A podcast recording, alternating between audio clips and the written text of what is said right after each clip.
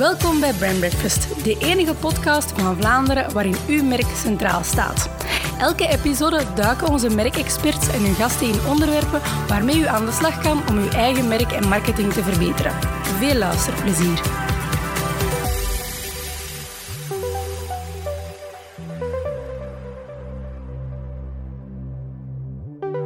Goedemorgen, beste luisteraars. Welkom bij episode 5 intussen van onze Brand Breakfast podcast. Ik ben Stef Verbeek eh, en zoals elke keer zit ik hier met mijn collega Michael aan tafel. Dag, Goedemorgen, Stef. Hallo. Koffiekoekjes zijn net op, zie Uiteraard, heeft Mooi. geweldig gesmaakt. Uh, een goed ontbijtje is het, uh, de beste start van de dag, zoals je weet, Michael. Dus uh, dat zorgt ervoor dat we helemaal klaar zijn voor drie fonkelnieuwe topics in onze episode vandaag. Ja, we gaan het vandaag hebben over employer branding. Mm -hmm. Denk ik ook wel steeds meer belangrijk. Ook in alles wat merkenbeleid is. Veel bedrijven die daar ook mee bezig zijn. dus we gaan er een aantal tips rond geven. toch een aantal zaken rond ontleden. Mm -hmm. we hebben het ook over nursing Stef. Het gaat dan concreet over het opvolgen en eigenlijk ja, plezieren, om het zo te zeggen, van bestaande klanten. Mm -hmm. En we gaan het tot slot hebben over beeldtaal en fotografie in de kader van branding. Oké, klinkt misschien uh, onnozel aangezien het mijn vakgebied is, maar dat klinkt allemaal super interessant. Laten we er maar meteen invliegen.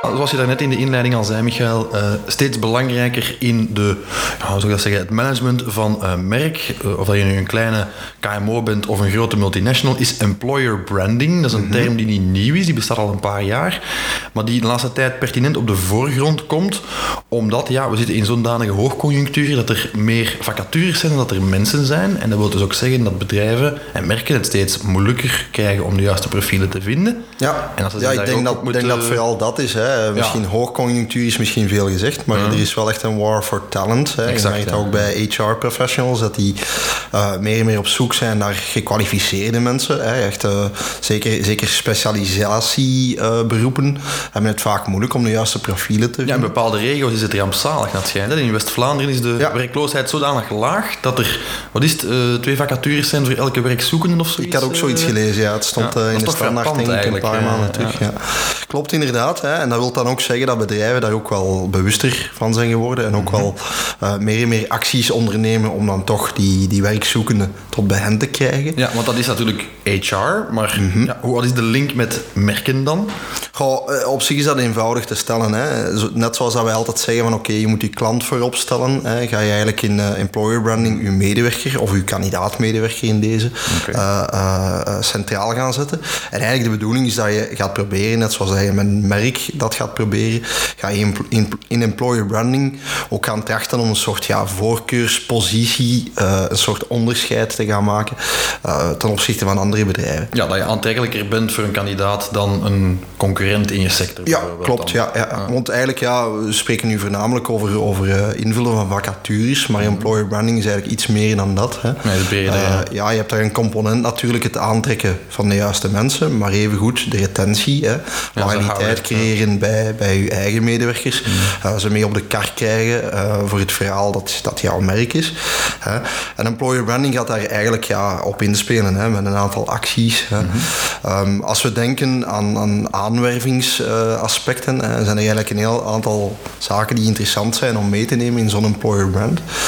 Uh, wij merken daar heel veel bedrijven, of in ieder geval ik merk dat als ik kijk naar vacatures, naar jobs, uh, dat die focussen op echt ja, het voordelenpakket dat daar uh, ja, eerder rationeel aan gekoppeld is. Ja, dat is dan loon en, en ja, auto en loon, zaken, extra legale voordelen, dat soort zaken. de ligging natuurlijk van het bedrijf, mm. de werkuren, dat soort zaken. Mm. Nu, begrijp me niet verkeerd, dat blijven, blijkt ook uit onderzoek van Randstad, blijft dat het primordiale criterium van, van, van werknemers om daar Dat is niet onlogisch natuurlijk. Hè? Dat is niet logisch. Uh, mensen kiezen eieren voor hun geld natuurlijk. Mm. Uh, maar we merken toch ook hoe langer hoe meer, zeker in, in, de, in de voorkeur voor bepaalde bedrijven, um, dat zaken zoals de sfeer, de cultuur, de doelstellingen, het verhaal van een merk, uh, dat dat hoe langer hoe meer, meer een verschil gaat maken mm. in de keuze van sollicitanten. Hè. ze zeggen wel eens, ik hoorde onlangs een, een citaat van ja, sollicitanten gaan hoe langer hoe minder solliciteren, maar gaan eigenlijk selecteren. Hè. En net zoals bij een merkvoorkeur die je gaat creëren als klant, gaan heel veel potentiële werknemers ook op voorhand toch een stuk een selectie maken.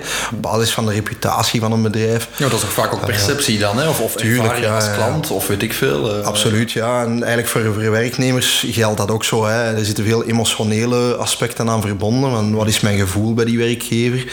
Uh, hoe hip is dat bedrijf? Hoe innovatief is dat bedrijf? Hè? Hmm. Wat doen zij? Hebben zij een bepaalde maatschappelijke doelstelling? Oh ja, want dat is ik onderbreek, maar je zegt daar juist van ja, sfeer en cultuur speelt er een belangrijke rol in. Maar ik kan me inbeelden over een, een actieve arbeidspopulatie, hè, wij mhm. allemaal, hè, eh, actieve Vlamingen.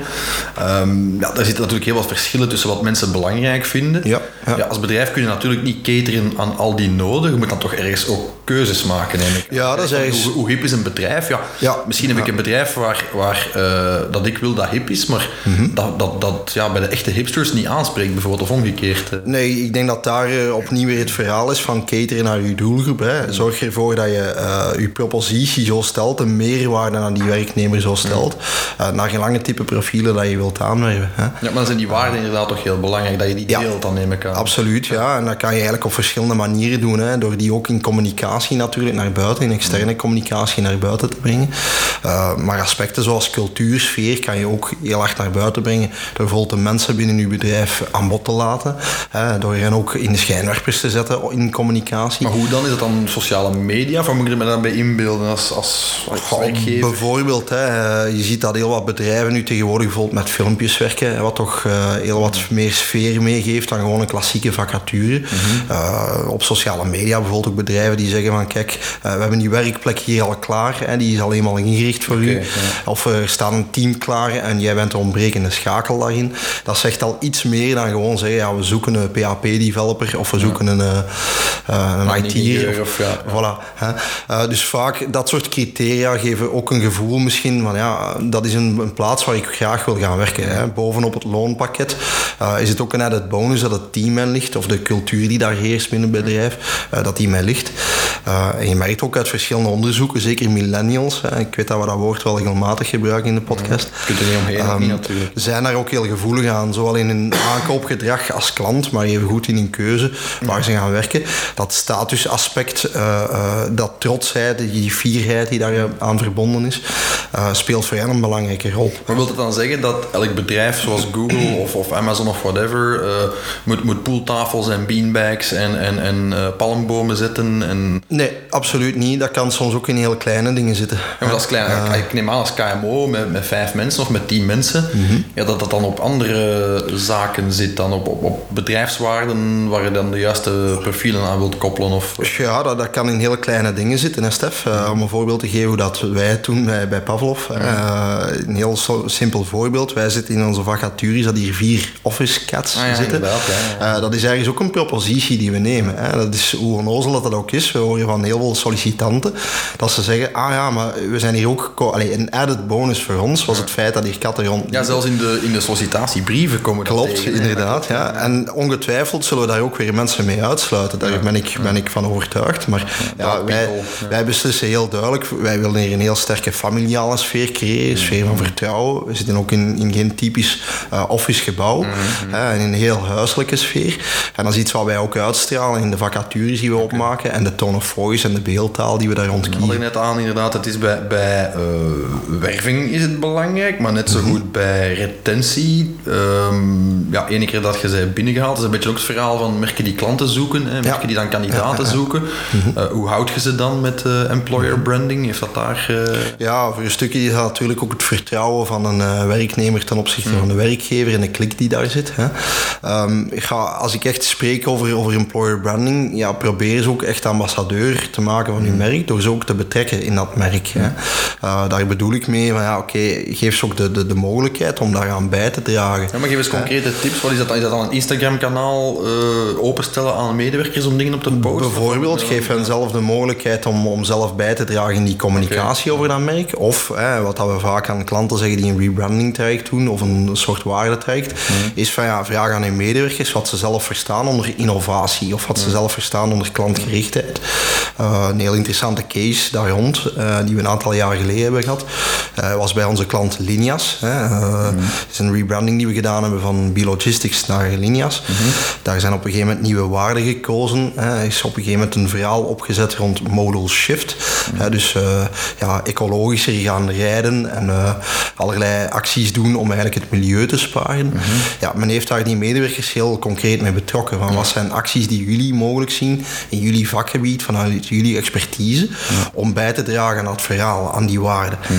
Dus dat is een heel concreet voorbeeld, maar het kan even goed zijn dat je zegt, ja, als een van die waarden klantgerichtheid is, ja, dat je samen met je medewerkers daar een invulling aan geeft van wat, wat betekent dat concreet voor ons en wat is de cultuur die wij daar rond willen opbouwen. Ja, zodat het niet van bovenaf wordt opgelegd, maar eigenlijk uit de basis komt. Ja. ja, want dat zien we ook heel vaak, hè, dat bedrijven, zeker grotere, die definiëren hun waarde wel, maar het is altijd heel moeilijk om dat ja, tot, in de, tot, in de, ja, tot op de laagste rangen, om het zo te zeggen, uh, in, in uitvoering te brengen. Het is niet genoeg om die te definiëren, het is ook belangrijk dat je mensen daarmee betrekt en toch een stukje ownership geeft over dat verhaal. Uh, op die manier geloof ik ook oprecht als medewerkers het gevoel hebben, we kunnen zelf bijdragen aan het verhaal, we maken daar deel van uit, hè, dat zij ook oprechter zelf reclame gaan maken en oprechter ook ambassadeur gaan zijn van dat merk. En of dat nu een plaatselijke bakkerij is of uh, een multinational, uh, eigenlijk doet het er niet toe. Hè. Iemand die fier is om ergens te werken, iemand die fier is om deel uit te maken van een verhaal, gaat ook geneigder zijn om te blijven en om, om dat merk aan te raden bij ja, anderen. Natuurlijk. Ja. Ja. dat geldt voor klanten ook en voor medewerkers net zo goed. Wat, wat, vinden we van, uh, van campagnes om op te vallen? We, we lezen in de pers allerhande uh, dingen. We hebben een, een, klant bijvoorbeeld, Soprema, die, die uh, solliciteren op grote hoogte in, in, een container die aan een kraan hing. We lezen berichten van mm -hmm. bedrijven in de Antwerpse haven die helikoptervluchten aanbieden boven je toekomstige werkplaats. We, we, we, zien als je 120 dagen blijft, dan krijg je een, een rit met een Porsche of, of ja, een Ferrari. Ja, ik ook iets van Allee, we zien heel wat cases opduiken in, in, in de pers.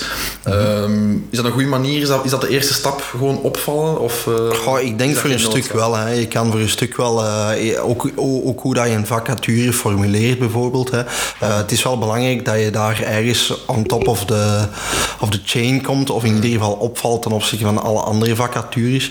Uh, of dat dat iedere keer een, een grootste stunt moet zijn of een, of een incentive, dat weet ik niet. maar ik denk in ieder geval ja, toch iets unieker, op een uniekere manier voor de dag komen, dat dat wel, ja, dat dat wel Ja, die incentives als ik advocaat van de duivel mag spelen, als advocaat, als advocaat, als, als potentiële kandidaat bedoel ik, mm -hmm. zou ik dat bizar vinden, maar dat misschien ergens een beetje raadloos overkomt ook van, van mm -hmm. ze vinden precies niemand uh, of, of zie ik dat verkeerd? Uh... Ja, nee, kijk, ik denk dat de basis altijd goed moet zitten, hè, maar dat geldt voor marketing ook. Hè. Ja, je kan een campagne doen om klanten te, te bekomen. Hè. En een campagne kan ook zijn, ik geef een korting. Ja, dan ga je misschien een piek hebben in je sales, maar exact, long tail gaat het misschien niet veel verschil maken. Uh, bij employer branding is dat ook, hè. het moet kloppen in het verhaal en natuurlijk zo'n eenmalige stunt. Ja. Uh, als je bij wijze van spreken een toffe stunt doet met een, met een Porsche, uh, maar de rest van je, van je sollicitatieproces loopt heel stroef, ja, of de klik is er niet met die mensen, ja. dan gaat het ook niet werken. Hè. Dus die beleving moet natuurlijk op alle fronten, wat wij eigenlijk ook altijd zeggen in branding, moet die kloppen. Hè. maar ik heb er geen probleem mee dat bedrijven manieren zoeken om, om meer ja, op te vallen. Te vallen maar ja, zoals we eigenlijk altijd zeggen, het moet authentiek, authentiek zijn, het moet kloppen. En het, het, moet, moet aansluiten natuurlijk met de leefwereld uh, van het bedrijf zelf. Ja, hetzelfde geldt eigenlijk met, want dat zie je ook vaak. Ik herinner mij Combel destijds, die zowel aan klanten als aan medewerkers het aanbod deed van zoek ons die of die profielen in uw omgeving. Ja, ja, Als je die ons aanraadt en die komen via u bij ons solliciteren en die tekenen een contract, dan krijg je een iPad of een iPhone, mm -hmm. het nieuwste model, ik weet al niet meer. Uh, ik heb eigenlijk geen idee van, ik zou eens moeten checken uh, met mijn vrienden bij Combel wat die mm -hmm. daar echt veel respons op hebben gehad. Maar, ja, het zijn, ik wil dat dat wel helpt om, om, om op te vallen. Zo. Het zijn, het zijn typische referral-programma's. Hè? Ja. En op welke manier dat je je medewerkers incentiveert, als dat kan zonder een geldelijke beloning, des te beter natuurlijk. Ja, maar toch stel je het aan klanten vraagt ook. Want ik herinner me dat ik als klant e-mails kreeg met te zeggen van ja, we vinden onze nieuwe collega en je krijgt een iPad 2 of wat was het mm -hmm. destijds. Uh... Nu, natuurlijk, de logica op zich is, is op zich wel... Allee, mm. Er is wel over nagedacht. In die zin natuurlijk hun klanten en dan vooral hun, hun collega-medewerkers. Die kennen meestal ook mensen binnen die sector.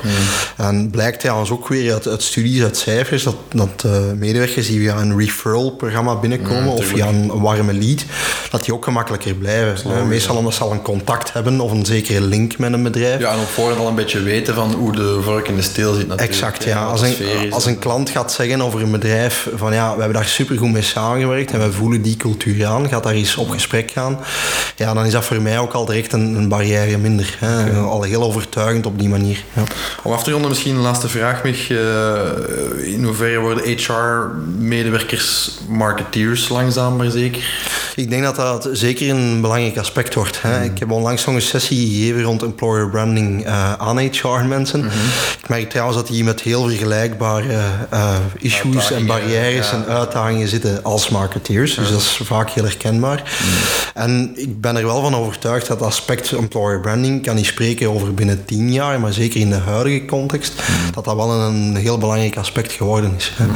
Uh, je ziet trouwens ook inderdaad, allee, mensen gaan op een andere manier op met, uh, om met, met werken. Hè. Mm. De tijd dat je 30 jaar bij een werkgever zat, is, is voorbij. Ja, dus je hebt veel meer die jobhopping. Uh, mensen zijn voortdurend op zoek, worden voortdurend geprikkeld. Mm. Dus het is daar wel belangrijk dat je inderdaad wel nadenkt hoe vorm ik mijn salespropositie, niet alleen naar klanten, maar ook naar potentiële medewerkers. Oké, de boodschap is duidelijk, denk ik. Uh, ja, voilà. Uh, werk aan de winkel als uw employer brand nog niet goed in elkaar zit. Maar gewoon, ik denk dat veel succesvolle merken die naar de buitenwereld of naar de consument goed uh, gepositioneerd zijn, vaak ook wel de link kunnen leggen met employer branding. Dus... Ja, ik denk dat, dat allee, afsluitend misschien meegeven, ik denk dat de focus, net zoals altijd, niet op je organisatie moet zitten, maar op de mensen. Hè. En, en zolang dat je die mensen goed door hebt, je eigen medewerkers goed aanvoelt en mm. de belangen hè, of de meerwaarde die, die een, een, potentiële medewerker heeft om bij u te komen werken, als je dat goed aanvoelt, dan denk ik dat je daar heel veel mee kan doen. Voilà, Stef, uh, over naar het volgende topic. We mhm. gaan het hebben over nursing. Mhm. Nu, misschien even inleidend. We spreken af en toe over merkbeleving en alles wat experience voor de klant heel is. Heel vaak zelfs. Ja, heel vaak. Hè. Dat is een beetje een adagium dat we iedere keer meenemen van dat goed te stellen. Mhm. um, nu, misschien inleidend voor het verhaal van nursing. wat wij regelmatig vaststellen bij bedrijven, is dat ze wel de, de nood zien aan die customer experience, aan die beleving. Meer en meer. Uh, meer en meer. Dat begint er meer en meer in te komen bij bedrijven. Dat ze uh, begrijpen dat die beleving van begin tot einde goed moet zijn. Um, misschien hebben we misschien op dit moment, als we kijken naar de ervaringen uh, in de markt, hebben we misschien nog iets te veel het gevoel dat die beleving stopt bij de verkoop? Of uh, hoe mag je dat zien?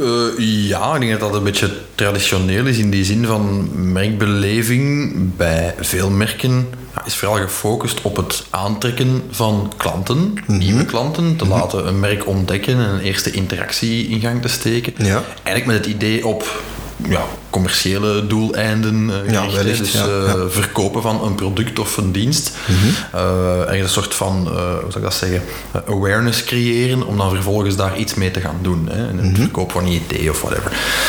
Um, dat is op zich natuurlijk niet slecht. Tegelijkertijd zien we, omdat we merken dat veel merken daarin investeren de laatste jaren, dat er wel wat spaties zitten tussen allerhande touchpoints. Daar bedoel ik mee van... Ja, geef eens een voorbeeld. wat ik daarmee bedoel is, stel dat je een succesvolle verkoop hebt met een mhm. klant die daarvoor geen klant was. Dat is leuk, maar er zit nog wel een heel, uh, hoe zou ik dat zeggen, een hele customer journey achter, een hele klantenreis mhm. achter, met opnieuw verschillende mogelijkheden tot interactie. En naar mijn aanvoelen laten veel merken daar heel wat mogelijkheden liggen om te interageren met die klant. Dat, kan, uh, dat kan zijn, uh, bij wijze van spreken, je doet een aankoop en je bedankt een klant daarvoor. Maar dat kan ook zijn tussendoor bepaalde zaken uh, ja, op, opmerken en, en, en, weten van bijvoorbeeld, ja, in, in die journey zit een klant op een bepaald punt. Mhm. Dus het wordt tijd dat ik daar contact mee opneem. Het valt mij soms op hoe weinig bedrijven bestaande klanten of voormalige klanten achteraf nog eens contacteert met de vraag van hoe is het allemaal meegevallen, wat vond je ervan? Mm -hmm. daar nog vragen over, ik zeg maar wat. Wat gaat dan verder dan, dan pure service bieden? Begrijp ik dan goed? Dat gaat zeker verder dan pure service bieden, omdat pure service een, een logische, uh, logisch gevolg is van elke interactie met een bedrijf, zeker als je ervoor betaalt. Ehm, dus het gaat over een soort van ontzorgen, een soort van gevoel geven van je hoort erbij en of je bent belangrijk voor ons als merk. Mm dat gaat inderdaad verder als service. Service hoort bij mij, uh, hoort, hoort voor mij bij het, bij het standaardpakket dat je aankoopt eigenlijk. Dat zou standaard in een verkoop moeten zitten. Voilà, en ik denk dat de doorsnee klant zal dat ook evident vinden. Ik denk mm nursing zit hem in details, uh, in, in, in contactmomenten, in momenten van interactie waar je niet op gerekend had. Ik geef altijd, als ik daar lezingen over geef, geef ik altijd voorbeeld aan klanten van laatste keer dat ik een nieuwe auto kocht. Ja, zoals je weet, een nieuwe auto, je bestelt dat. Mhm. Je moet daar een maand of drie, vier op wachten. Ja, voor iemand als ik die weinig geduld heeft, is dat een heel lange periode. En dat is een, een, kwartaal of zelfs langer dat je moet wachten op een nieuwe auto. Uh, in tijden van instant gratification wil je niet dat daar een gat zit tussen het moment dat je die handtekening op dat contract zet en dat je die wagen mag gaan afhalen. En ik moet zeggen, ik vond dat heel knap. Uh, uh, ik zal het merk eens bij naam noemen. Hè. Toen ik de laatste keer een auto kocht, dat was een Audi. Dan kreeg ik ergens halverwege een mailing. Dat was een doos van Audi met een sleutellanger in en een, soort brochure waar dat uh, mijn wagen, of silhouet van mijn nieuwe wagen, onder een wit doek stond. Mhm. En daar stond echt bij, we nog even geduld, en nog even aftellen. We zijn nu wagen aan het klaarzetten zetten. Hè, mijn knipoogje eigenlijk is dat die boodschap. Dat is een beetje teasen eigenlijk. Echt teasen. Ja. Maar er zit dan ook wel een, een, bij met de foto van de concessiehouder. Uh, uh, en daar staat dan bij van ja, beste Stef, dankjewel voor je aankoop. Als je in tussentijd nog vragen hebt of je wilt een keer naar onze accessoires komen zien of je hebt een probleem, of je wilt je datum van je levering veranderen, dan moet je die en die dingen doen en dan gaan wij dat voor u regelen. En op dat moment verwacht ik dat niet. Ik zat echt gewoon af te tellen naar de datum die vooropgesteld was van dan gaat hem klaarstaan in de garage. Mhm. En dat is, dat, is, dat is een tof moment, omdat het enerzijds verrassend is. Het geeft je ook wat gevoel als klant, ook al is dat waarschijnlijk geautomatiseerd zoiets, van ah, ze zijn toch met mij bezig. ik vind, het wel, vind, het wel, leuk dat ik vanaf nu bij dat clubje hoor van in dit geval een Audi-bezitter of een Audi-rijder. Ja, dus je bent niet alleen gerustgesteld. Je, zet ook, je, hebt, je hebt een aangenaam gevoel. Oké, ze zijn met mij bezig, eigenlijk in essentie. Klopt. En die nursing, ik moet zeggen, dat is iets wat vooral challengers uh, heel sterk doen. Hè. Ik zal een mm voorbeeld geven. Stel dat je online op een webshop iets bestelt. Het is niet ongebruikelijk dat je een week daarna bijvoorbeeld een mail krijgt om te zeggen van, is alles goed verlopen met de levering? Mm Kun je nog vragen over dat product? Hè? Uh, wil je onze rating geven van, van dat product of, of van, van die dienstverlening? Mhm. dus die online spelers bijvoorbeeld zie je dat al veel meer bij. Omdat ze natuurlijk ja, geneigd zijn, zij missen een soort van fysiek contact met ja, de doelgroep. Ja, ik zeggen, hè, het persoonlijke dus, contact dus mist daar een beetje. Ze moeten dat bijna forceren. Ja, hè, en, om toch die intimacy te creëren. Exact, om die intimiteit te creëren. En daar waar het misschien bij online spelers, uh, uh, zal ik het zeggen, geforceerd is, maar ze bijna niet anders kunnen, mm -hmm. denk ik dat dus, uh, ik zeg dat net in het begin van het verhaal ook, dat heel veel merken daar laaghangend fruit laten liggen. En het mm -hmm. stomste voorbeeld is, waarom belt je je klanten niet wanneer ze jarig zijn? Ja.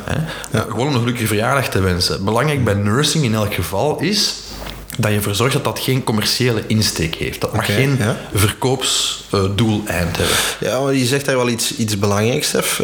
Uh, juist haalde je ook aan, van ja, ik word dan graag verrast eigenlijk. Mm -hmm. hè. Dat is op een moment dat ik niet verwacht. Mm -hmm. um, in welke mate is die, dat verrassingselement daarin belangrijk? Kan je bijvoorbeeld nursing ook meenemen in het begin van het traject? Door te zeggen aan klanten, die opvolging is voor ons heel belangrijk en we gaan u op regelmatige manieren aanspreken. Mm, absoluut. Um, hoe, hoe, zou jij dat aanbevelen aan, aan, aan klanten? Maar dat verrassende is, is leuk, maar is geen vereiste, denk ik. Hè. Mm -hmm. Die mailing van Audi had ik niet zien komen, dus dat was een verrassing. Hè. Mm -hmm.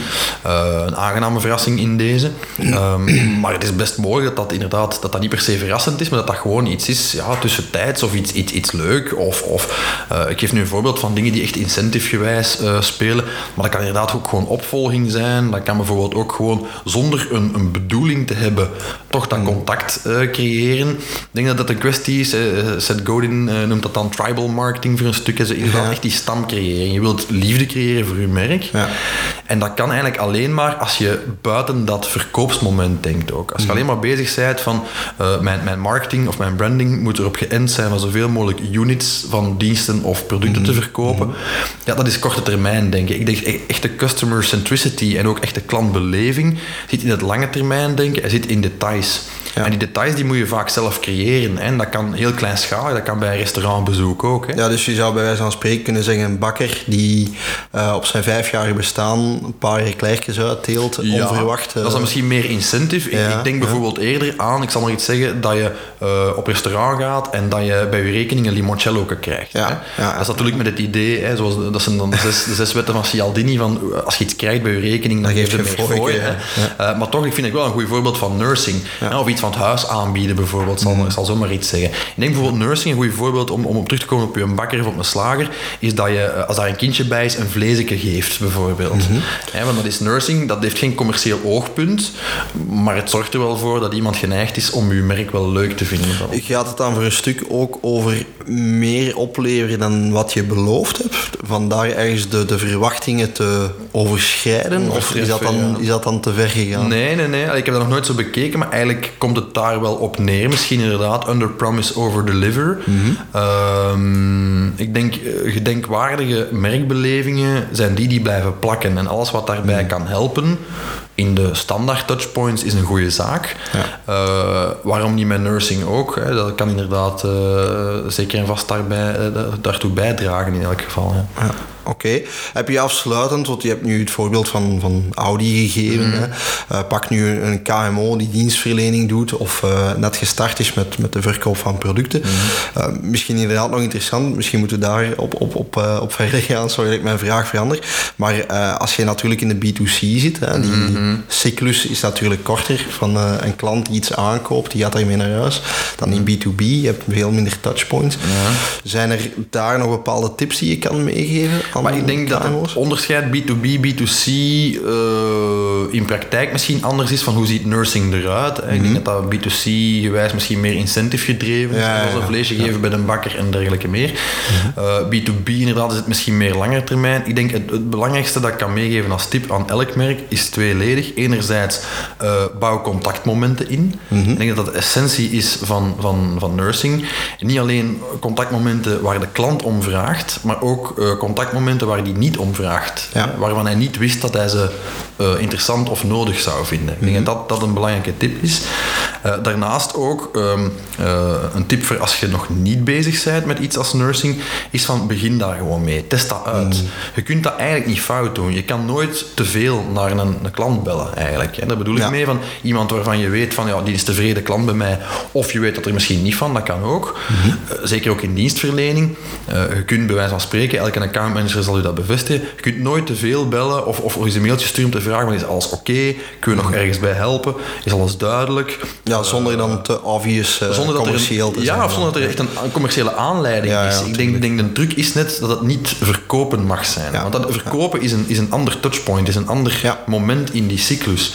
uh, nursing uh, mag nooit commercieel zijn, of toch, toch niet als primaire doelstelling. Ik denk dat je ook door de mand valt trouwens als merk, als dat uw, uw insteek is. Ja. Michael, een cliché luidt dat een beeld meer zegt dan duizend woorden. Ja, dat klopt, Stef. Nochtans zien wij dat merken vooral heel veel vertellen en dus heel veel woorden gebruiken om mhm. uit te pakken met eh, specificaties of, of, of ja, belangrijke informatie over hun merk. Mhm. ja, uh, welke rol spelen beelden daar dan in? Ja, beelden spelen natuurlijk in op emoties voor een groot stuk. Hè. Hetgene wat je rationeel vertelt in tekst, hè, zou voor een stuk ook uh, door middel van beelden ondersteund kunnen worden. Mhm. Ehm, ik zie eigenlijk de beeldtaal van een merk als een verlengde van uw merkidentiteit. Hè. Ja, er wordt vaak, onderdeel ervan. Voilà, er wordt eigenlijk nagedacht over kleuren, over logo's, over beeldtaal ja, of over uh, tone of voice. Mm. Uh, evengoed gaan we kijken welke beelden passen bij dat merk en welke beelden geven de juiste associatie of gevoelens mee aan te merk. Nu, een beeld heeft een psychologische impact in die zin van we registreren dat misschien niet altijd in detail, ik bedoel ermee een foto op de website, gaan we niet in detail bestuderen van wat staat er nu allemaal op. Maar in één oogopslag uh, ja, geeft dat wel heel veel informatie mee natuurlijk. Hè. Hoe ja. kies je dan een juist beeld? Dat vraag ik me af. Ja, kijk, het is natuurlijk een utopie om te zeggen van, allez, of er zijn merken die daarin slagen van hun merkverhaal in één beeld weer te geven. Uh, dat is vaak heel moeilijk.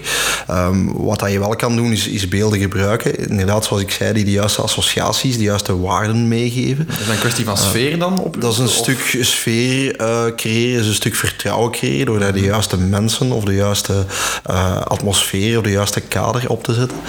Uh, dus het is belangrijk dat je ja, beelden kiest die, die echt passen met hetgene wat ja. dat je ja, gevoelsmatig wilt weergeven. Dat is toch niet evident, want ik kan me inbeelden, beelden, mhm. fotografen, terecht, kosten wel wat geld. Idealiter, en dat zeggen wij aan klanten ook altijd, heb je beelden die uit je eigen verhaal vertrekken en die dus bij voorkeur zelf maakt dan. Ja. Is dat... In principe de preferentie is dat je eigen beelden ja, gebruikt. Hè? Dus inderdaad binnen de eigen de omgeving van, uh, van dat merk. Waarom? Omdat dat natuurlijk authentieker is. Hè? Het, is het is echter. Uh, het wordt ook zo aangevoeld. En het is ook uh, een stuk unieker natuurlijk dan dat je bijvoorbeeld gebruik gaat maken van stokbeelden. Um, Zijn we tegen stokbeelden? Nee, ik ben op zich niet tegen stokbeelden. ik denk dat je heel veel mogelijkheden hebt in stokbeelden en ook heel veel verschillende kwaliteiten daarin. Ook, ja. Voilà. Um, waar ik bedrijven of merken altijd voor waarschuw is van blijf een beetje weg van de clichés. Hè. Ja. Uh, daarmee bedoel ik, ja, je hebt heel veel stokfotosites, betalende en gratis, uh, waar dat je echt clichébeelden van uh, bij van spreken, smiles, Colgate Smiles, multiculturele teams die aan het high-fiven zijn. Vrouwen die lachen naar salades. Vrouwen die lachen naar salades. Hè. Ook veel dezelfde modellen die daar terugkomen, die ik regelmatig zie passeren. dus het is, het is soms een beetje zoeken, het kaf van het koren scheiden. En beelden kiezen die uh, qua kleur en qua sfeer overeenstemmen uh, met jouw merk. Hè. Um, wat bedoel ik daarmee? Als je een bepaalde huisstijl hebt gekozen die bijvoorbeeld warm is en je gaat daar heel koude stokbeelden gaan implementeren, -hmm. ja, dan slaat dat zoals een tang op een varken. Hè. Ja. Dus uh, je moet daar de juiste sfeer in kiezen. Uh, en wat natuurlijk ook interessant is, dat je die stokbeelden op een of andere manier kan bewerken of op een of andere manier kan meenemen ja. uh, binnen je huisstijl. Door er bijvoorbeeld zijn eigen elementen aan toe te voegen, eigen iconografie, ja, eigen kleuren, ja. voilà, bepaalde details die je daarin aanpast. Mm. Dat is natuurlijk manieren om het iets unieker te maken dan voor een andere merk. Ja, zonder dat je het gewoon downloadt, bij wijze van spreken, of aankoopt, download en gewoon op je website zet of, uh, of in een folder gebruikt, dat je er iets mee doet eerst. Hè. Ja, ja, Dat, is, dat is zeker een best practice om dat te doen. Ja. Um, waar had ik ook aan aan merken is inderdaad kies uh, stokbeelden die dan bijvoorbeeld qua kleurgebruik overeenstemmen. Mm. Ja, dat, is, dat, is, ook vaak een, een truc om toch het ja, gevoel toch te geven. op zijn minst, ja. Voilà, om toch het gevoel te geven dat het, dat het past bij het merk in kwestie. Mm -hmm. um, nu misschien nog even een pitval bespreken, want dat is iets wat ik heel vaak merk. Er zijn vol beelden die op sociale media komen. Ja. Uh, meestal een website, ja, voor veel bedrijven uh, zijn dan een bepaalde reeks van beelden die ze dan hebben. Mm -hmm. Een tiental beelden die regelmatig terugkomen. Ja.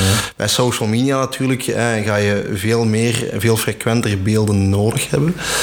wat ik dan zie dat veel bedrijven doen, is dat ze op Google op zoek gaan gaan naar een passend beeld. Hè. Ja, want we zijn nu bezig over de wat moet je doen om een goed beeld. Ja. Maar wat moet je dan vooral niet doen? Dat is dan ja, gewoon Google Images uh, een zoekterm ingeven. Ja, klopt. Hè. Er, zijn bepaald, er zijn een aantal redenen voor om dat niet te doen. Ten eerste opnieuw weer uh, die authenticiteit. Hè, ja, dat je, uh, de eerste resultaten die je krijgt zijn bijna altijd redelijk cliché, clichématige beelden die mm. vaak gebruikt worden. Mm. Maar er is ook een, een juridisch component aan. Je mag niet alle beelden zomaar gebruiken. Hè. Um, marketeers die al wat meer ervaring hebben, weten dat. Hè. Maar heel wat beelden zijn copyright beschermd. Hè. Zijn door een bepaalde fotograaf of een bepaald merk, uh, ik zal niet zeggen gedeponeerd, ja, maar zij hebben daar de rechten op. Ja, tuurlijk, uh, en er staan ook redelijk hoge boetes op als je dat niet respecteert. Mm -hmm. nu, er zijn alternatieven natuurlijk, Stef. Je hebt stokbeelden sites die gratis zijn. Mm -hmm. Daarmee wil ik zeggen, dat zijn beelden die copyright-vrij zijn, mm -hmm. die in principe ook commercieel mogen gebruikt worden. Royalty-free dingen. Ja. Exact, ja. Daar is natuurlijk ook opletten om te kijken, ja, moet je een credit vermelden, moet je de fotograaf ja, eigenaar in kwestie. Je hebt verschillende ja. soorten licenties, maar je hebt bijvoorbeeld ook zeg maar wat gratis beelden, maar die bijvoorbeeld niet royalty-free zijn. Of omgekeerd, mm -hmm. je betaalt voor een beeld, je denkt, ja, ah, oké, okay, ik kan ermee doen wat ik wil, mm -hmm. maar dat is dan bijvoorbeeld gelimiteerd zeg maar wat, tot, tot print of tot een bepaald formaat dat je het mag gebruiken, of een bepaalde periode zelfs, zeker als er modellen in staan die dan ook nog eens een vergoeding... Uh, ja, er zijn bepaalde spelregels rond. Hè, en dat is zeker, evident allemaal. Uh, ja, zeker als je naar, naar, naar meer de bekende stokbeelden websites gaat, die hebben daar ook wel heel duidelijke richtlijnen hè, waar dat ook wordt aangegeven waarvoor je betaalt of waarvoor je downloadt. Maar het is heel belangrijk, ook als je echt een Google Image Search, als je dat dan toch wil doen, dat je ook achterhaalt van waar komt dat beeld, hè, wordt dat niet gebruikt in een andere website. Uh, het is toch de moeite waard, zowel juridisch, maar ook voor de sfeer van je merk, om te kijken ja, van waar komt dat beeld, mag je dat zomaar gebruiken, past dat voldoende bij ons, zijn er niet duizend en één andere spelers in mijn markt die dat beeld gebruiken. Uh, dat zijn belangrijke, belangrijke beslissingen die je daarin moet maken. We spreken nu over beelden als in foto's en wellicht misschien ook video's, want je hebt dus stokvideo's en je kan ook eigen video's uh, maken of laten maken in de vorm van de, de meest logische uh, toepassing. wat met iconografie, dat kan je ook aankopen, maar best van dat zelf te maken volgens u? Goh, ik denk met iconografie ben je meestal iets vrijer. Hè. Je kan bepaalde vectorbestanden bijvoorbeeld, sferen in iconografie downloaden, die je dan zelf kan gaan bewerken. Als je mm. iets wat van grafische kennis hebt of een graficus hebt die dat voor u kan doen. Mm. Uh, daar gelden eigenlijk opnieuw dezelfde spelregels. Ja. Je mag ook niet zomaar iconen gaan plukken van een site of van, mm. uh, van, van een bron die je online vindt. Uh, natuurlijk, ja, een, schets maken, een icoon maken, um, ja, dat is dan weer een andere, ja, een andere niche dan fotografie. Ja, natuurlijk, maar dat is ook beeldtaal natuurlijk. Hè. Dat is ook een vorm van beeldtaal. Een eenvoudige lijn, zeg maar wat, het logo van AXA staat gewoon een schuine rode lijn in die ze mhm. overal terug uh, laten keren, ook in fotografie bijvoorbeeld. Ja. Dat is toch een heel duidelijke, uh, hoe zou ik dat zeggen, identifier van dat ja, klopt, merk. Ja, misschien daarop aansluiten, dat is misschien ook wat inpikkend op actuele thema's. Mm als merk iets doen met memes bijvoorbeeld, is dat mhm verstandig volgens jou? Goh, vraag je mijn opinie als marketeer of, uh, of een juridische... als, uh, ik weet het niet, als, als, als uh, gebruiker misschien ook, ik weet het niet. Kijk, het hangt voor mij een beetje af van welke stijl van brand dat je bent. Hè. Mm. op social media moet je ook niet anders voordoen. of het, het, gebruik van content marketing moet je niet anders voordoen dan hetgeen wat op je website staat. Nee, het kan soms een speelse manier zijn om, om met beelden of met hypes eigenlijk, met trends op dat moment te gaan werken. Ja, maar ik kan me, verzekeren, ik kan me, maar inbeelden bijvoorbeeld een verzekeraar of supermarkt, mhm. ja, dat die niet gediend, allee, dat dat, dat, dat uh, niet in hun voordeel spreekt van bijvoorbeeld zeg maar wat een, een, een meme te gebruiken of, of met een knipoog te werken, of zie ik dat verkeerd? Uh, kan dat voor allemaal? Ja, ik denk dat dat echt puur afhangt van de stijl van het merk. Ja. Als je bijvoorbeeld, eh, omdat je nu het voorbeeld van een supermarkt aangeeft, als ik kijk naar de communicatie van Lidl tegenwoordig, mm uh, is die wel heel vernieuwend en heel gericht naar, naar millennials voor een stuk.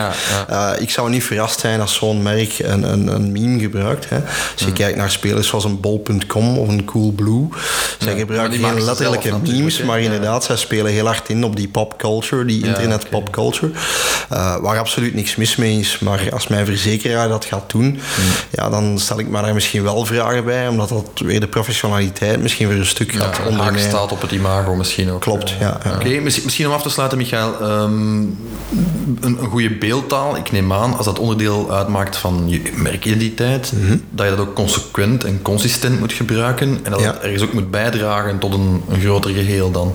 Ja, absoluut. Het heeft ook zijn voordeel om dat te doen. Om de mhm. simpele reden dat dat ook je herkenbaarheid gaat versterken. Ja, ik ging net zeggen, bijvoorbeeld merken als Apple bijvoorbeeld, daar zie je zelfs zonder het logo op of zonder een mhm. product op, zie je wel bij welk merk het hoort. Hè? Dat klopt hè. en uh, dat sluit een beetje aan wat ik er net zei, van toch probeer je zo uniek mogelijk daarmee te zijn. Mhm. Hè. Zij het door eigen beelden of door bewerkte stokbeelden. Uh, omdat natuurlijk, ja, als je een beeld gebruikt dat zoveel gebruikt wordt, ja, dan zegt dat heel weinig over je merk. Je springt meer illustratie van iets dan, dan dat het echt een bijdrage levert aan uw stijl. Dan. Klopt, ja, inderdaad. Dus ik ben voorstander van, van beelden die zo uniek en ja, we gebruiken het woord vaak authentiek uh, mogelijk zijn. Uh, juist omdat die zo'n goede bijdrage hebben tot herkenbaarheid en tot de emotionele lading van een merk. Mm -hmm. ja. Oké, goed. Uh, heel wat inspiratie weer om uh, mee aan de slag te gaan wat uh, beeldtaal betreft en hopelijk ook wat andere topics betreft. ik denk daarmee trouwens dat we onze aflevering voor deze editie kunnen... Bij deze vijfde aflevering al, Stef, intussen. Ja, inderdaad. De vijfde al. Ja, ja, we vieren een klein jubileum. Een mini-jubileum, inderdaad. Blij in elk geval, beste luisteraar, dat u er opnieuw bij was. hopelijk voor de vijfde keer. Hopelijk ook voor de zesde keer. Wat dat betreft zou ik mijn oproep herhalen om vooral te blijven luisteren, maar u ook te subscriben op onze podcast. Dus via Soundcloud of via iTunes, de gebruikelijke kanalen. schrijf u vooral in op onze podcast, dan mist u geen enkele aflevering. Mocht u intussen tijd nog vragen, opmerkingen, bedenkingen hebben, dan kan u ons altijd contacteren op hello at brandbreakfast.be of ja, via een sociaal medium naar keuze met de hashtag brandbreakfast. Voilà, graag tot een volgende keer. Tot de volgende keer. Bedankt voor het luisteren.